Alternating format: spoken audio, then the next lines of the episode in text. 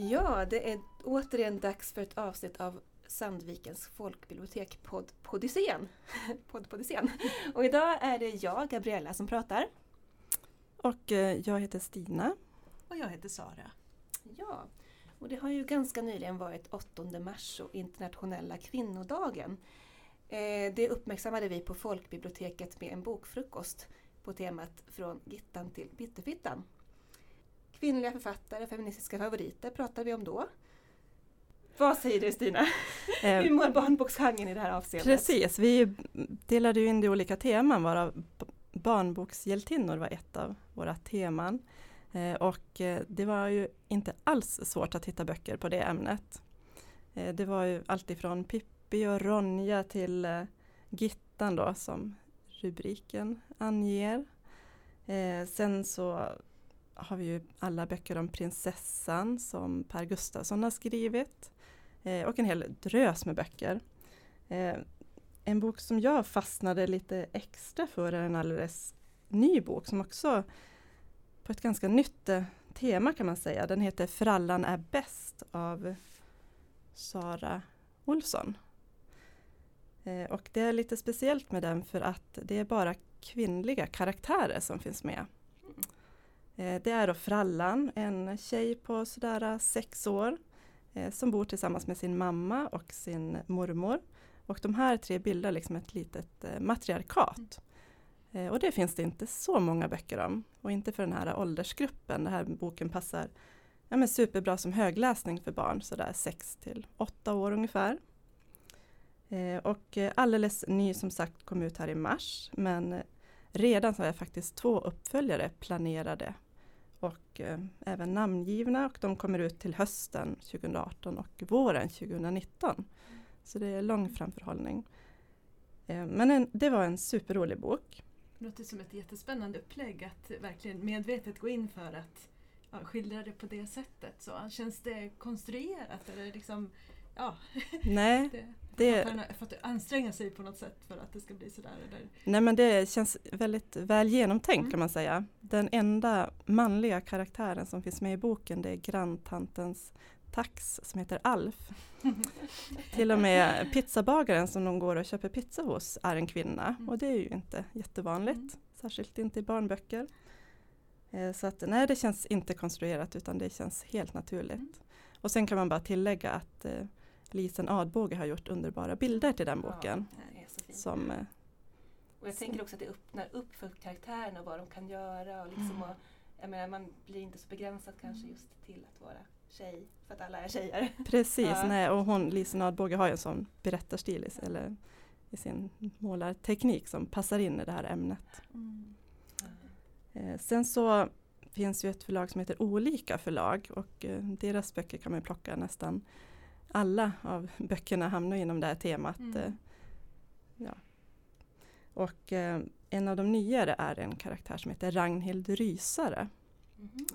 Så det är boken heter Piraterna och vinterjakten och författaren heter Sara Berg. Och det är Ragnhild och eh, hennes eh, sjörövargäng som är, ska ge sig ut och sjöröva. Eh, och eh, hon har ju alla möjliga intressanta karaktärer med sig på båten som man kan läsa mer om i boken. Men olika förlag har ju en slogan som är så här. Ut med stereotyper, in med möjligheter. Eh, och det känns ju som en väldigt bra slogan tycker Mm, jag. Verkligen, väldigt positiv och öppnande. Liksom. Precis. Mm, jättebra. Kul, spännande förlag att följa. Ja, verkligen. Mm. Eh, Jag tänkte på det här med pirater. Visst har du också läst Isaks pirater av Frida Nilsson? Precis, Ja, en är en favorit. Underbar bok. Och också passar väldigt bra i, sam i sammanhanget barnbokshjältinnor. Det handlar ju Mm. om Siri och hennes lilla syster Mickey som bor i ett ganska kargt och, och isigt kustlandskap. Och en dag när de är ute och fiskar så rövas den här lilla systern bort av piraten Vithuvud som är en riktig skräckinjagande figur. Eh, och när Mickey rövas bort då gör hennes stora syster Siri då, det som ingen vuxen vågar. Hon ger sig ut på jakt efter Vithuvud för att Mm. rädda sin lilla syster. Eh, och det är en jättefarlig resa och det kommer stunder då Siri vill ge upp och verkligen tvivla på sig själv. Men så tänker hon, hur ska jag kunna leva med mig själv om jag inte ens försöker? Mm. Så det är också, tycker jag, en fantastisk barnbok överhuvudtaget men också just det här med modet och styrkan. Hon är en riktig hjälte verkligen. Mm. Absolut, men Ja. den är ju, man får ju verkligen känslorna för så här Ronja och kanske Mm. Pippi också när man läser Ja. den boken. Hon har lite Astrid Ja. Lindgren-känsla över sig, Frida Nilsson när hon Ja, skriver. jag tänkte på Bröderna Lejonhjärta. och Ja, den det också. Ja, precis. Eh, den är ju eh, kanske lämplig att läsa från 8-9 år kanske uppåt. Ja, själv. mm, ja. Men funkar ju jättebra som högläsningsbok också. Mm, och högläsningsbok ganska långt upp i åldrarna faktiskt. Mm. Absolut. Ja, ska vi gå vidare till nästa ämne eller vad säger ni? Ja. Eh, en annan grej som vi funderade över här när vi mm, pratade om liksom feministiska favoriter och kvinnoskildringar och så, det var det här med vänskap och kvinnlig vänskap och hur skildras den i film och litteratur? Så det har vi kikat lite närmare på.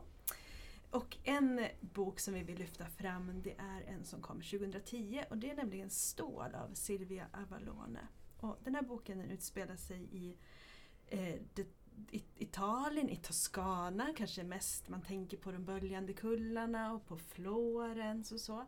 Men den här eh, boken utspelar sig i en kuststad som heter Piombino. Och den här staden den ligger i skuggan av ett stort stålverk. Året är 2001, Berlusconi är i farten och här möter läsaren Anna och Francesca. Och de här två tjejerna de är bästa väninnor. De är 13 år och på väg ut i livet.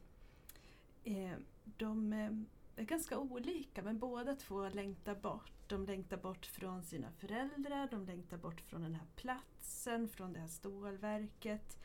Och de längtar kanske framförallt bort från männen och männens blickar och de svettiga undertröjorna Mm. som känns som någon nästan så här bild som har lagts i mitt huvud. Ja, Ehm, för någonstans är det väl lite så också att den enda möjligheten som finns det är att liksom hitta en man och skaffa barn. Det är, den, mm. det är de framtidsutsikterna man, man har som liksom i det här. Precis, staden. och då är det liksom 2001 så det är Ja. ändå en modern skildring men det Ja. känns som att de är ju väldigt fasta. Och att de, att de hittar varann känns som att det är där de har någon slags frihet, att de, de ändå har stöd av varandra. Mm. Ja, jag tyckte den var jättebra när jag läste den och sen att det är mycket skildring av arbetarklass, av italiensk familjesyn och liksom mannens roll och kvinnans roll och hur begränsade, som du säger Gabriella, hur begränsat det är. Så, Vi pratar ju också om Elena Ferrante. Ja. Som, det finns ju verkligen paralleller där. precis. Fast det utspelar sig då tidigare naturligtvis. Men Ja, Eh. min briljanta, eller fantastiska, min fantastiska Väninna, väninna. precis. Precis. Ja. de böckerna. Mm. Jo, man ser flera beröringspunkter mellan dem som är intressanta. Precis, så du Gabriella, du har sett den, eller vi är fler, vi har väl sett Vi har sett den allihopa, ja. precis. Precis. Det var ju så himla bra. Det var så himla bra. Just det här med styrkan i, i vänskapen, eller kanske just systerskapet. Eh, Mustang heter Mm. filmen. Det är en, eh, en film av en fransk-turkisk regissör eh, som heter Denise Gamse Ergüvens. Och det handlar om fem systrar i en turkisk by, eh, starkt präglad av hederskultur. Och de här flickorna de är föräldralösa men de tas om hand om av sin farbror och farmor. Och eh, om jag inte missminner mig så eh, första dagen på sommarlovet så eh, träffar de ett gäng killar och det, det blir en ganska oskyldig lek mellan de här killarna och tjejerna. Men en, en ganska ja, en snokande granne Mm. upptäcker dem och skvallrar. Och, eh, Och vänder det till att det är något ganska smutsigt att Ja. hålla på med fast de lekte i vatten. Liksom. Men det blir till en helt annan historia. ja. Och, eh, och det här leder ju till att de här flickornas tillvaro kontrolleras och Mm. begränsas. Och det börjar med att, att man konfiskerar deras mobiltelefoner. Men så bara trappas det upp och trappas upp i och med att flickorna inte finner sig i det här. De Mm. revolterar. Mm. Eh, så det slutar liksom med husarrest och tvångsgifte faktiskt. Eh, så det här är ju, ja, jag vet inte, vad säger ni? Ja, men det, man blir upprörd när man Ja. såg den här Ja. filmen och väldigt engagerad i de här karaktärerna tyckte jag. Mm.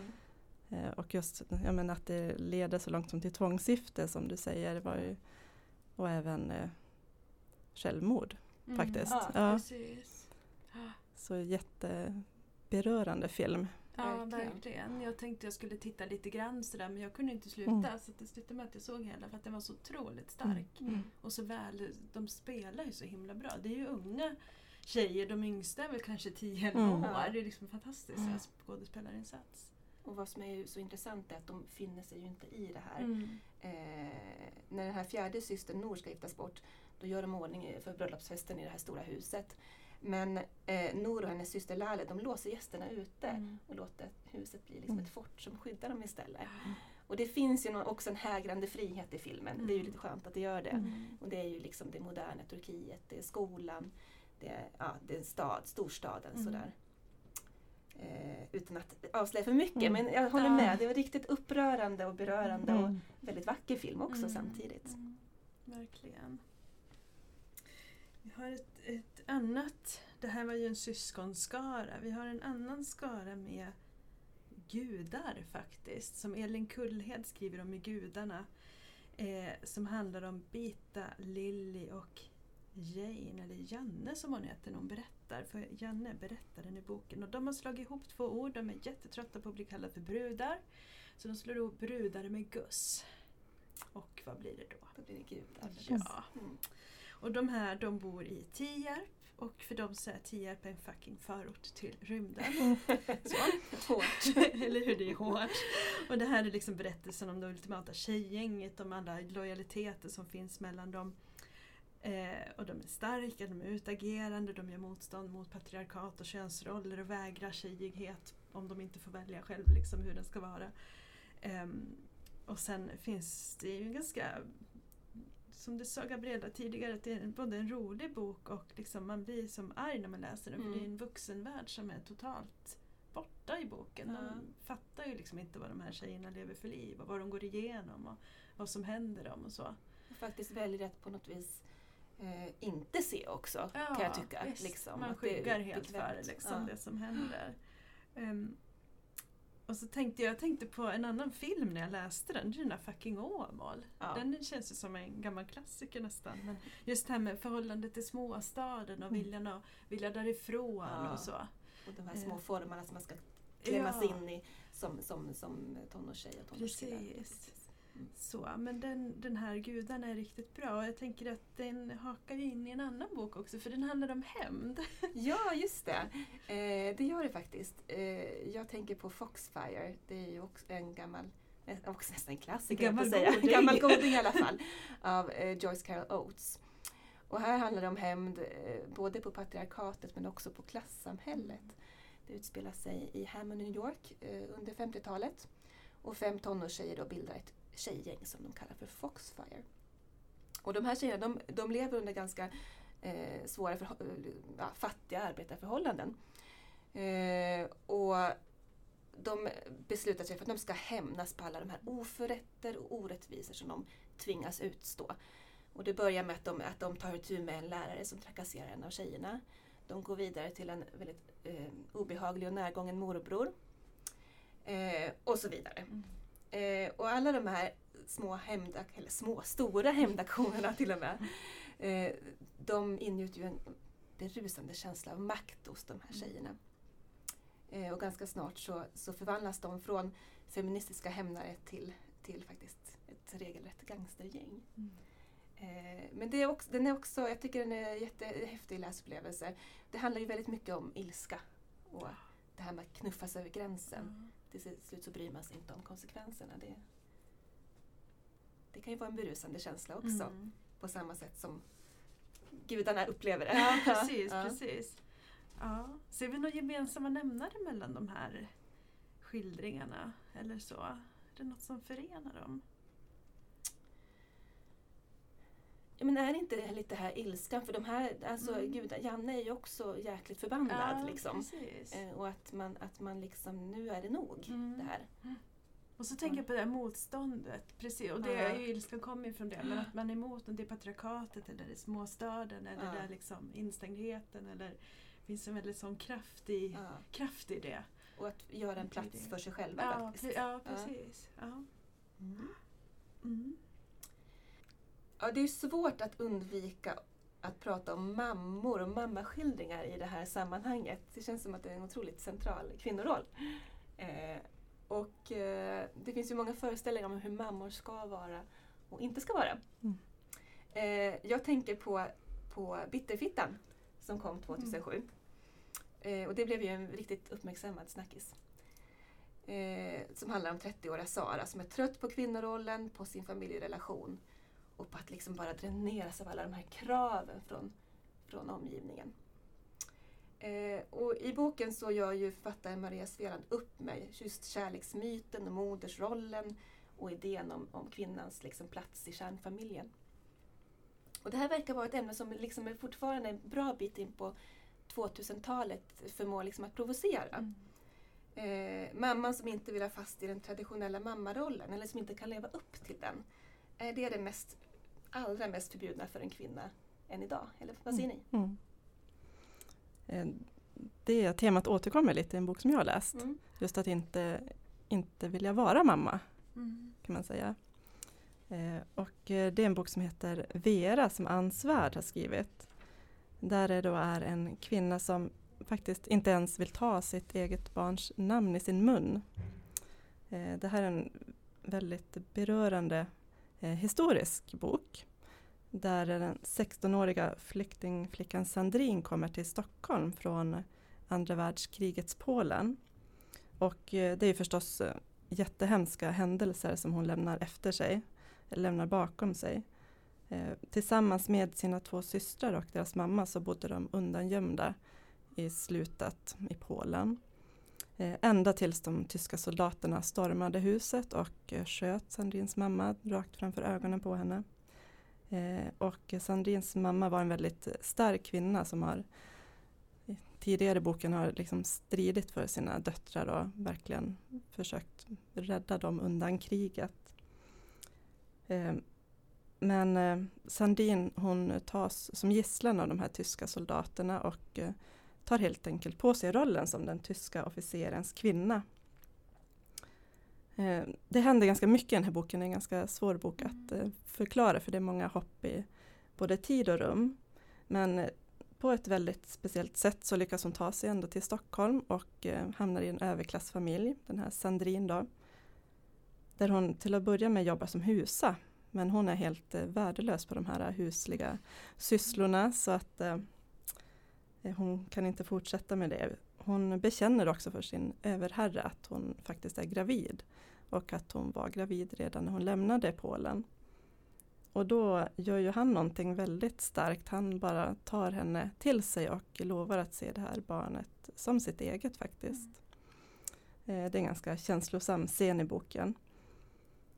Men eh, när väl barnet föds, mitt under bröllopsfesten faktiskt, utan gästernas vetskap, mm då blir Sandrine ingen mamma. Hon, eh, det är husan s- som tar hand om barnet. Och hon vill liksom inte eh, hon har barnet hos sig ibland men hon vill liksom inte alls ha med det att göra. Det kan man ju förstå också. Det kan man förstå också, liksom. precis. Men samtidigt så Ja, ja. finns det hela tiden hos den här Sandrine att hon Det händer ju saker i boken och hon kommer inte alltid att vara på det här sättet men Mm. det Det är väldigt starka känslor hos henne Mm. förstås men hon har ändå Någonstans så finns ändå den där moderskänslan hos Långt bak hos henne också faktiskt. Mm. Och det, ja, men det är en väldigt speciell skildring av just det ämnet men överhuvudtaget en väldigt, väldigt bra bok. Mm. Ja, spännande. Jag tänkte på en bok av Kristina Sandberg. Hon har ju skrivit med trilogin om majs. Hon har ju skrivit om moderskapet redan där i att föda ett barn och så. Men även tidigare. Hennes eh, bok som heter Ta itu, den kom 2003 och har kommit i ny utgåva nu.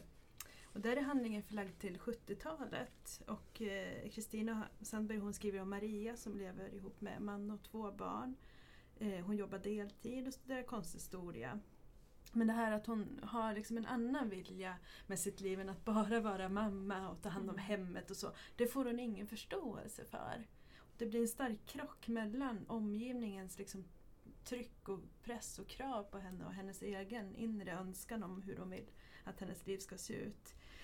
Och det leder till ett sammanbrott som jag tycker att författaren beskriver så himla skickligt. Det smyger liksom på henne i boken och det kommer in alkohol i bilden och så. Men att hon, hon blir sjuk av det här att Mm. inte få leva livet på sitt sätt.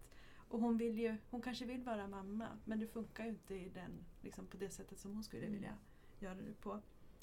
Eh, och det handlar också mycket om det här, vad som är tillåtet och inte, vad är okej och inte. Så. Eh, och sen tycker jag det var spännande att det är 70-talet men det är inte, det här 70, det är inte en 70-talsskildring om en kvinna som ställer sig på barrikaden utan det här är en kvinna som bara lever sitt liv precis som i böckerna om Maj. Mm. Det är ju hon bara lever liksom. Och kanske lite mer representativ Ja, för tiden egentligen. Precis, var- inte de, de människoöden som har lyfts fram Ja. stort och historiskt. Så. Men jag tyckte den var väldigt bra och den har levt sig kvar länge i mitt minne. Så. Mm. En annan bok som också har en vinkling på det här med moderskap kontra det där andra man vill göra. Det är eh, avdelningen för grubblerier av Jenny Offill. Det här är från 2016. Jag kan läsa ett citat ur boken. Det är Mm. okej. Ja. Min plan var att aldrig gifta mig. Jag skulle bli ett konstnärsmonster eftersom konstnärsmonster bara är upptagna av konst, aldrig av världsliga ting. Och med väldigt stor humor och underfundighet så berättar eh, författaren om den här huvudpersonen om ett äktenskap som faktiskt blir av. Hon gifter sig och de får ett barn, ett kolikbarn som ställer till livet, ställer till oreda i livet. Ingenting blir som berättaren har tänkt och dessutom så träffar mannen en annan. Så, så hon kommer liksom allt längre bort, bort, bort från det här konstnärsmonstret och Ja. kan inte alls eh, eh, ja, kan inte alls låta bli att ägna sig åt de här världsliga tingen som hon vill slippa. Det är en väldigt så frustrerande bok, väldigt rolig och den handlar om så väldigt mycket mer. Men just det här Mm. tänker jag passar så väl Mm. in i den här Och jag tänker också just det här med att, det här med konstnärsmonstret. Mm. Hade det varit en man som sagt Ja. det hade det varit helt okej på Ja något vis. visst, precis. Det är Eh, jättefascinerande. ja, ja. Sen tänker jag på en, en författare, Agnes Lidbeck, som är aktuell nu. Hon är väl aktuell med sin andra roman, Mm. Förlåt, den har skrivit Finna sig innan. Och jag läste en intervju med henne i Dagens Nyheter. Och där skriver hon att hon, eller berättar hon att hon inte skrev på tio år. Och så citerar jag. Förlamad av föreställningen om omöjligheten i att, i att kombinera ett familjeliv med ett kreativt yrke. Mm. Så det var lite spännande att få, liksom, det här är en nu Mm. aktuell svensk Ja. författare som inte heller ser den här liksom, Ser möjligheten, att Möjligheten. ens finns. Visst. Ja, och just det här med manligt kvinnligt och Ja. ja. vilka krav kan man ställa egentligen. Ja, mycket att tänka på. Eh, ska du ta din Gabriella Ja kanske? men precis. Ja, Det har också, eh, jag, jag spinner vidare på temat ja eh, föräldraskap kontra karriär. Mm. Eh, och tänker på De oroliga av Linn Ullman. Hon är ju inte bara en välkänd författare, Mm. hon är även dotter till, till den ikoniska skådespelaren Liv Ullman och till demonregissören Ingmar Bergman. Eh, och hennes senaste roman, De oroliga, de kom, den kom på svenska 2016.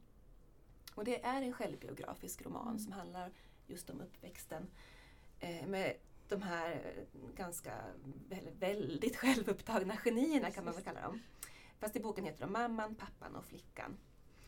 Och eh, ärligt talat så tillbringas ju den här uppväxten 11 månader om året med mamman. Mm. Eh, det är mamman som i vanlig ordning har huvudansvaret.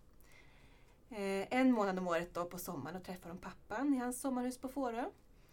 Men den här pappan han blir ju aldrig riktigt någon pappa, han är lite för gammal och för stel och centrerad kring sig själv och alla regler han sätter upp för, för, för hur man ska leva i det här huset. Mm. Eh, men vad jag fastnar för det är ju historien om mamman och flickan. För det är ju mamman som i flickans ögon är den här riktiga svikaren. Eh, och det kan man tycka är lite orättvist Mm. men kanske också ganska naturligt. Mm. Eh, det är svårt att, på något vis vara bitter på någon som inte ens har som ambition att vara Mm. För då kan man inte misslyckas. Men mamman hon misslyckas mest hela tiden. För hon vill ju vara en bra mamma men hon vill ju också göra karriär. Det är ju väldigt viktigt för henne. Eh, och att kombinera filmkarriär med föräldraskap det är inte det lättaste riktigt. Speciellt kanske inte på den här tiden. Mm. Och dessutom så upplever man barnet som ganska krävande och nästan ibland lite kvävande. Och det är tydligt att föräldraskapet det har inte blivit som mamman tänkt sig Mm. heller. Jag tycker att det här är en superbra roman. Och ja, ni har, har ni läst Jag har den? inte läst den, jag blir har sugen den. faktiskt. Ja, Ja. Jag tycker den är helt fantastisk. Hon har ju någon slags distans när hon skriver. Man Mm. vet vilka hon skriver om men det Mm. spelar ingen roll om man Ja. aldrig hört talas om Ingmar Mm. Bergman eller Liv Ullman. Den är precis lika stark och gripande ändå. Just det här med, ja, jag undrar hur, hur mamman i boken, Liv Ullman, hur hon har bemött den. Det har inte jag Ja. tänkt på och läst om. Men det skulle också vara intressant. Liksom, Att höra hennes sågas ju en del i sin mammaroll. Ja. Liksom. Så. Jag tänker på den här eh, dokumentären om Ingrid Bergman som kom för ett par år Ja. sedan. Jag är Ingrid. Eh, där får man ju också, de intervjuar ju barnen Mm. ganska mycket. Och där kan man ju läsa in mellan raderna att, att den här äldsta dottern är ju ganska besviken på mamman. Ja. känns ganska sviken av mamman som alltid var borta. Det är lite samma, under Ja, samma omständigheter precis. sådär. Och den är jättestark Ja. den dokumentären. Ja. De bara vill ha mer av sin mamma. Liksom. Ja, och de älskar precis. sin mamma men hon är ju aldrig där. Ja, Så, den, ja, Ja. verkligen jättefin nej, men just det här det är ju balansen mellan personliga förverkligandet Mm. och föräldraskapets förpliktelser som verkar vara så svår att hitta. Mm. Speciellt för kvinnor. Mm.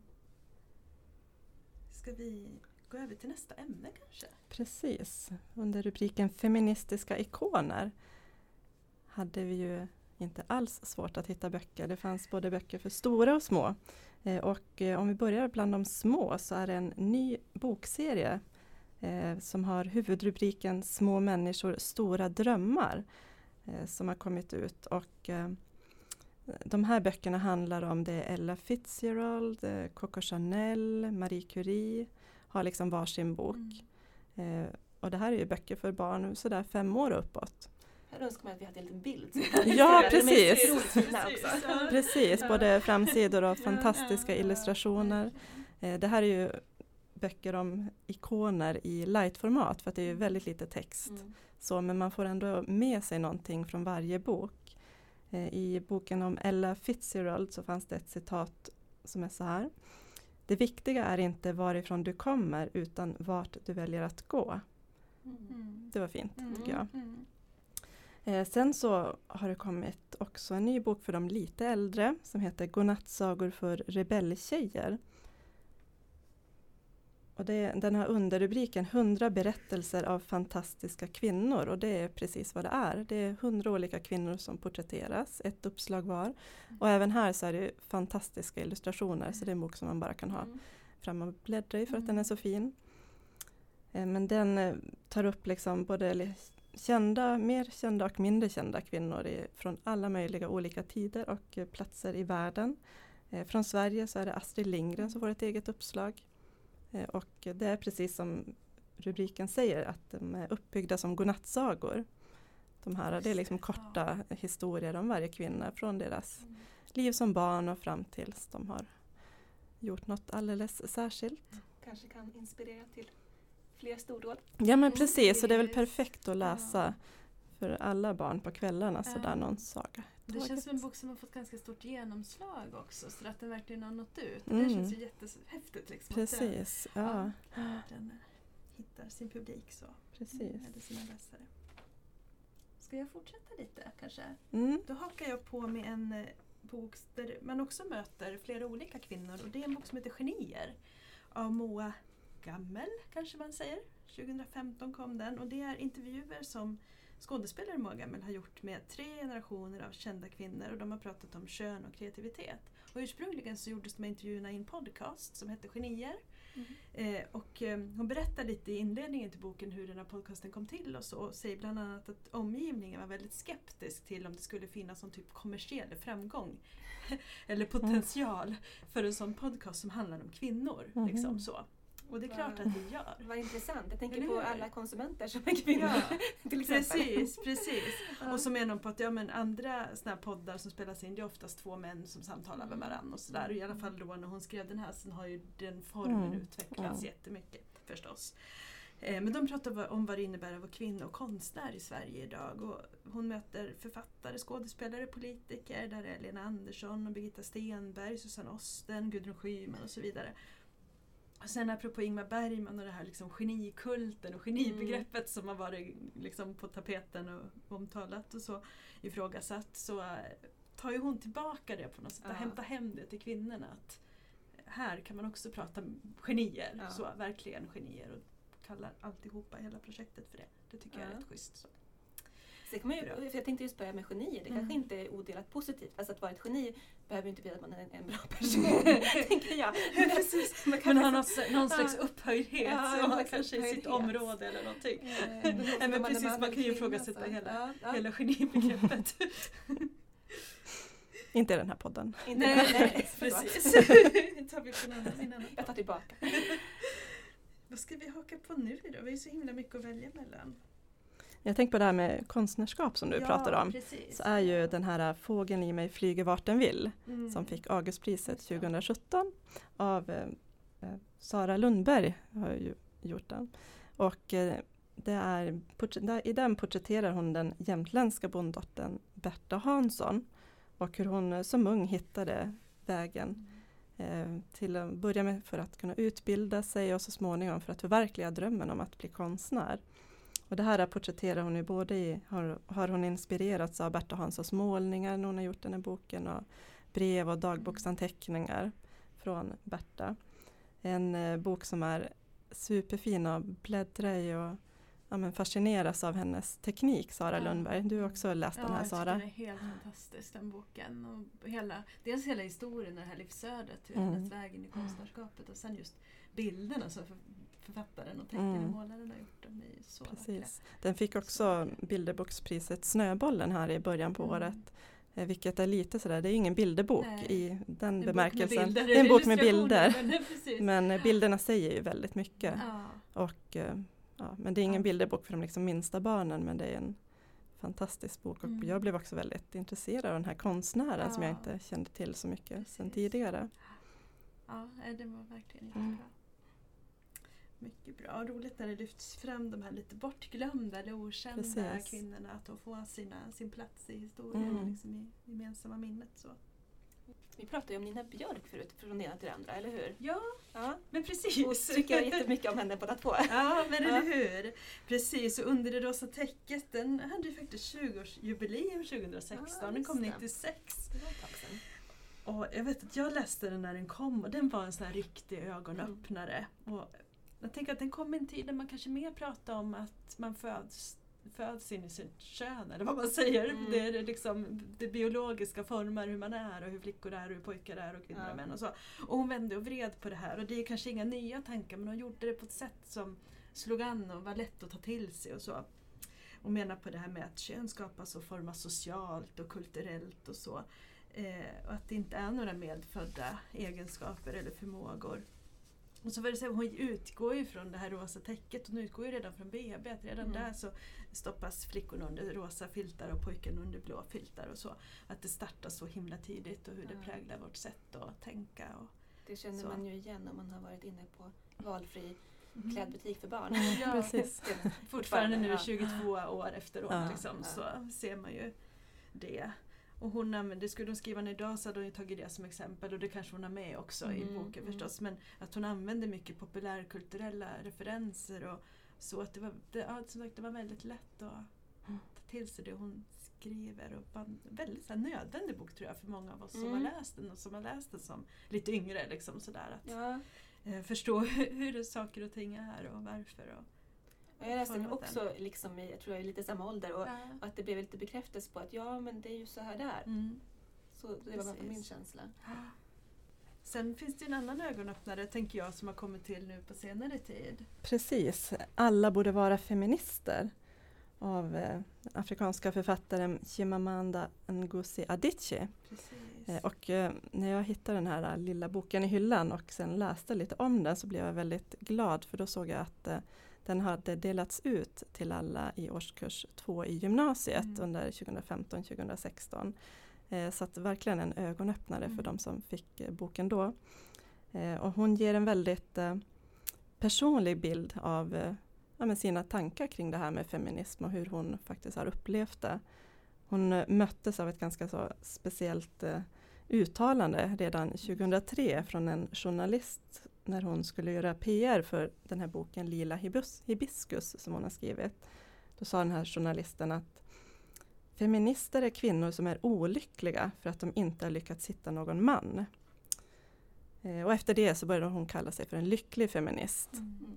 Vilket hon lite senare ändrade till en lycklig afrikansk feminism eftersom feminist inte ansågs som något att det ansågs som något ganska oafrikanskt. Mm. Men hon ger som sagt en ganska personlig skildring av det här. Eh, redan under sin uppväxt när hon gick i lågstadiet så gav hennes lärarinna alla elever i uppdrag så att när de hade ett prov, att den som fick flest rätt på provet skulle bli ordningsman i klassen. Och det här sporrade verkligen Chimamanda. Och hon såg fram emot att bli ordningsman. Mm. Eh, hon fick också flest rätt på provet. Men det förstår du väl att en pojke måste vara ordningsman, sa lärarinnan då. Mm. Eh, det sa jag inte för det ansågs jag som något självklart. Och just det här har levt kvar hos henne väldigt länge. Mm. Mm. Upprörande kan man ju förstå. Precis. Eh, Men en liten bok som man, eh, man får ut väldigt mycket utav. Mm. Precis, hon lyfter ju fram jättemycket bra saker i den. Mm. En del saker som känns självklara under Mm. mm. liksom, just det här med det är inte bara flickor som ska prata, man ska prata feminism utan även med pojkar. Så att de Precis. blir liksom och får sin fulla potential. Och Ja. liksom, Mm. så. Mm. Mm. Men, Ja. Eh, I mitt Instagramflöde den 8 mars så dök det en bild på Valerie Solanas upp. Jag vet inte om ni känner till henne? ja men påminn oss gärna Ja. känner jag. Hon är inte fullt lika sådär, eh, känd kanske feministisk ikon. Hon är nog mest känd för att ha skjutit Andy Warhol. Precis. Eh, Ökänd kanske. Eh, men hon var också en, en radikal feministisk teoretiker och författare till Skammanifestet som kom 68. Och Skam då som i Society for Cutting Up Men där hon angriper männen och patriarkatet med en ja, rätt rejäl ilska och brutalitet. Ja, eh, det är kanske inte alla som vill ehm, eh, lusläsa just det här Skammanifestet. Eh, men den svenska författaren Sara Stridsberg har ju skrivit en roman om Valerie Solanas som heter Drömfakulteten. Och den kom 2006. Det är också ett tag sedan. Ja, men, Eh, och eh, Stridsberg är ju hon menar det här är ju ingen biografi utan det är snarare en litterär fantasi över Valerie Solanas liv. Och man får följa hennes uppväxt, hon utsätts för övergrepp av sin pappa. Hon pluggar psykologi som hon finansierar genom att prostituera sig. Eh, hon tillbringar ganska långa perioder på mentalsjukhus men också i de här kulturkretsarna kring Andy Warhol. Det här är ett liksom underbarn som ständigt vacklar mellan eh, genialitet och, och galenskap. Men jag tycker att den här boken, Drömfakulteten, är, är en jättehäftig läsupplevelse. ja, Det är något väldigt drömmaktigt över den på något Mm. vis. precis. Eh, som i tit- titeln antyder också. Och det är liksom allt från stora panoramavyer av den amerikanska öknen till kulturmiljöer, universitetsmiljöer och hon har massa dialoger mellan karaktärerna och mellan sig själv och Valerie Solanas. Ja, det är väldigt fragmentariskt men, men superhäftigt. Man får liksom hänga med på något sätt när man Man läser bara- det, man- ja. flödar med i boken. Så. Man hänger bara med som Ja. läsare Mm. på en eh, ganska häftig resa. Mm. Så det är verkligen en bok att bli provocerad och inspirerad av. Mm. Ja, kul. Eh, sen har vi ju lite mer också eh, samtida feministiska ikoner. Jag Mm. tänker på serietecknaren Liv Strömquist Precis, precis. som nog är känd för de flesta. Mm. Men hon har ju gått i bräschen för just svensk feministisk seriesatir. Mm. Eh, I hennes serie finns ju också en brinnande folkbildningsambition. Det tycker jag är jätteroligt verkligen. Mm. Det är ja, roligt, smart och vasst. Eh, och verkligen ett, eh, ett författarskap att upptäcka Mm. om man inte redan gjort det. Mm. Och hennes senaste eh, seriealbum heter Kunskapens frukt. Och det är tillägnat det kvinnliga könsorganet. och handlar just om det här med hur kvinnors eh, kön i mångt och mycket är liksom en social konstruktion snarare än ett biologiskt faktum. Mm. Mm. Nu börjar vi nästan vara klara men vi har det här temat metoo kvar. Ja, det, det lilla temat. Det lilla temat, ja precis. precis. Eh, som nu har börjat avspegla Mm. sig även i litteraturen. Och det är ju bra förstås. Och det går Eh, fort liksom från ja. att någonting händer tills att det plockas upp i Ja, men precis. Och bra att det ändå på, På något sätt finns så där och inte i, bara i de här kommentarerna och så. Mm. Eh, men två böcker hittills. Eh, 100 berättelser och 10 frågor som behöver besvaras. En av böckerna. Eh, och eh, den andra boken heter Me Too. Så går vi vidare, röster, redskap och råd. Eh, och där är Alexandra Pascalido redaktör. Ja, men det jag tycker det är viktigt att de här två har kommit, liksom, två tidsdokument från ett av världens mest eh, jämställda länder faktiskt. Mm. Eh, Och de här böckerna är ju faktiskt inga böcker som man läser från perm till perm utan det är ju ja, men det är tufft att läsa igenom alla de här berättelserna från kvinnor i, från olika samhällsklasser och platser och åldrar och sådär. Vissa anonyma och vissa liksom, kända kvinnor som har skrivit i de här böckerna. Men eh, båda innehåller ju faktadelar och det tyckte jag var bra när jag tittade närmare på dem. Just att hur går vi vidare? Mm. Just det. Mm. Så Det känns ju Ja, verkligen som att det finns en del kvar att jobba på. Jag tror Absolut. att just att, Mm. att det blev en väldig ögonöppnare Mm. för många och för många kvinnor också. Mm. Att förstå sina egna erfarenheter. Ja, Precis. Ja. Och att det, är en sån, det blir så massivt, att det är så många röster. Och Mm, just att, precis. att böckerna kanske lyfter fram lite andra röster också när man ser i media. Eller så Ja. där, att det är Mm. ja, massiv Mm. kraft. Så. Mm. ja, och med metoo så tror jag vi avslutar dagens podcastavsnitt. Mm. Ja, tackar för oss. Tack för Precis. Ja. För er som blev inspirerade att läsa mer om de här böckerna, de ska ju få en bibliografi. Du Sara, har, du har ju koll på läget där. Ja men eller hur. Vad har vi pratat om? Det här pratade vi om. Gittan och gråvargarna av Pia Lindenbaum. Frallan är bäst av Sara Olsson. Ishavspiraterna av Frida Nilsson. Piraterna och vinterjakten av Sara Berg. Stål av Silvia Avalone.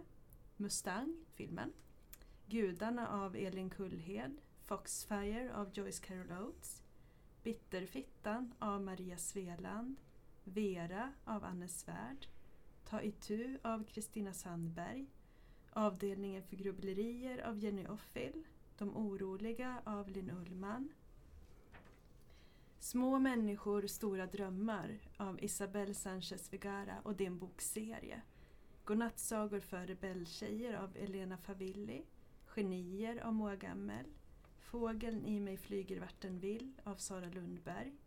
Alla borde vara feminister av Chimamanda Ngozi Adichie. Under det rosa täcket av Nina Björk. Skammanifestet av Valerie Solanas. Drömfakulteten av Sara Stridsberg.